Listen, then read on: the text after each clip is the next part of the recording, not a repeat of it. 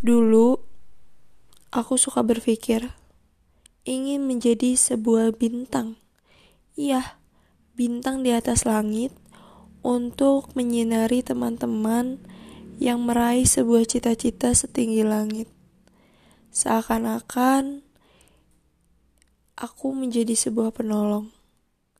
Penolong cahaya dalam sebuah kegelapan.